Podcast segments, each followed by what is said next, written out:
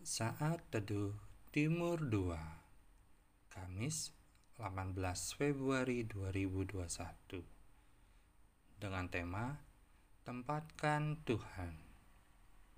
Pembacaan diambil dari kitab 2 Samuel pasal 6 ayat 15 Daud dan seluruh orang Israel mengangkut tabut Tuhan itu dengan diiringi sorak dan bunyi sangkakala. Shalom. Ketika tabut Tuhan dipindahkan dari rumah Abinadab yang di atas bukit ke rumah Obed Edom dan kemudian baru ke kota Daud dengan menggunakan kereta, Daud dan seluruh kaum Israel menari-nari di hadapan Tuhan.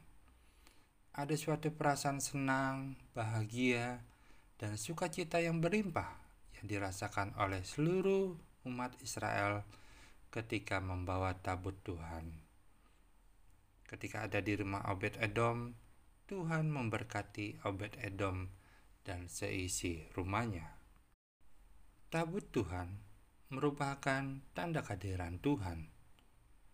Dan sekarang adalah Yesus yang adalah firman Allah yang hidup.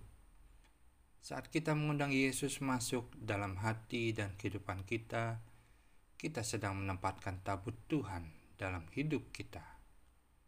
Allah ada bersama dengan kita di hati kita. Ia hadir memberikan jawaban, kekuatan, dan kebenaran. Bagian kita adalah menempatkan Tuhan di tempat yang benar. Maka Tuhan akan memberkati kita dengan berkat dan sukacita berlimpah dalam hidup kita. Selamat menikmati hari baru Tuhan Yesus memberkati.